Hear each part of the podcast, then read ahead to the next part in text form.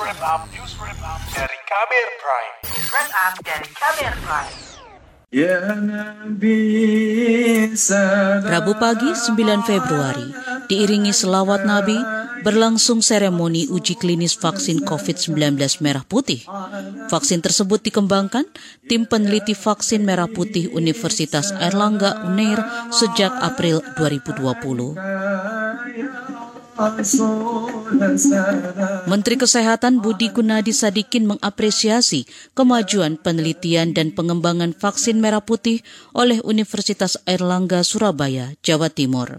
Ucapan selamat karena memang keberhasilan antara Biotis dan Universitas Airlangga adalah merupakan produksi vaksin merah putih yang paling cepat. Dan memang tahapannya mulai dari awal, mulai dari penelitian dan pengembangan menghasilkan bibit vaksinnya, rencananya juga nanti akan ada produksi upstreamnya untuk menghasilkan bahan vaksinnya, sampai juga produksi di sisi hilirnya fill and finish sehingga menghasilkan vaksin yang siap jadi. Uji klinis dilakukan setelah Badan Pengawas Obat dan Makanan BPOM menerbitkan persetujuan pelaksanaan uji klinik PPUK vaksin merah putih yang dikembangkan Universitas Airlangga bersama PT Biotis Pharmaceuticals Indonesia.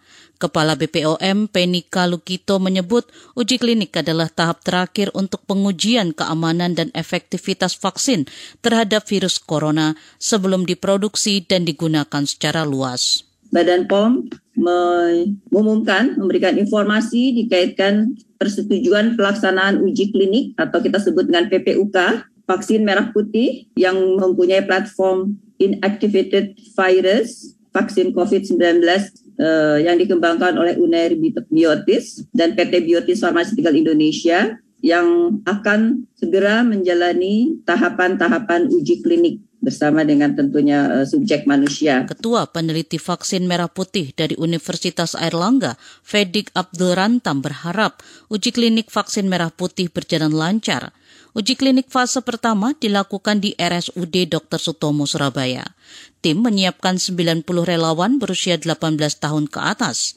Pada fase kedua akan melibatkan lebih dari 400 relawan, kemudian 3.000 relawan pada fase ketiga triple helix ini merupakan suatu eh, cita-cita dari kami semuanya bahwa kemandirian bangsa ke depan ini sangat-sangat diperlukan sehingga kita mempunyai bargaining power yang lebih baik terhadap negara-negara lain. Oleh karena itu, semoga vaksin merah putih nantinya menjadi tuan rumah sendiri di Indonesia yang bermanfaat untuk kemaslahatan umat, masyarakat, dan bangsa Indonesia. Sementara itu, Direktur PT Biotis FX Sudirman berharap vaksin merah putih bisa mulai diberikan kepada masyarakat sebagai vaksinasi COVID-19 dosis primer serta dosis lanjutan atau booster pada Agustus 2022. Tentu akan ada tantangan dalam pelaksanaan uji klinis ini. Namun kami yakin dengan dukungan semua pihak maka uji klinis vaksin merah putih ini akan bisa terlaksana dengan baik. Harapan kami mohon doa restu semua pihak ya, bangsa Indonesia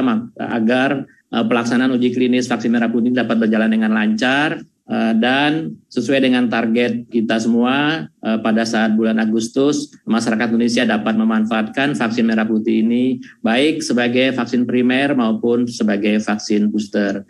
Saat memberikan sambutan dalam seremoni uji klinis vaksin merah putih, Menteri Kesehatan Budi Gunadi mengatakan vaksin merah putih selain untuk vaksin dosis ketiga atau booster, juga untuk vaksin anak usia 3 hingga 6 tahun yang masih belum tersedia di Indonesia.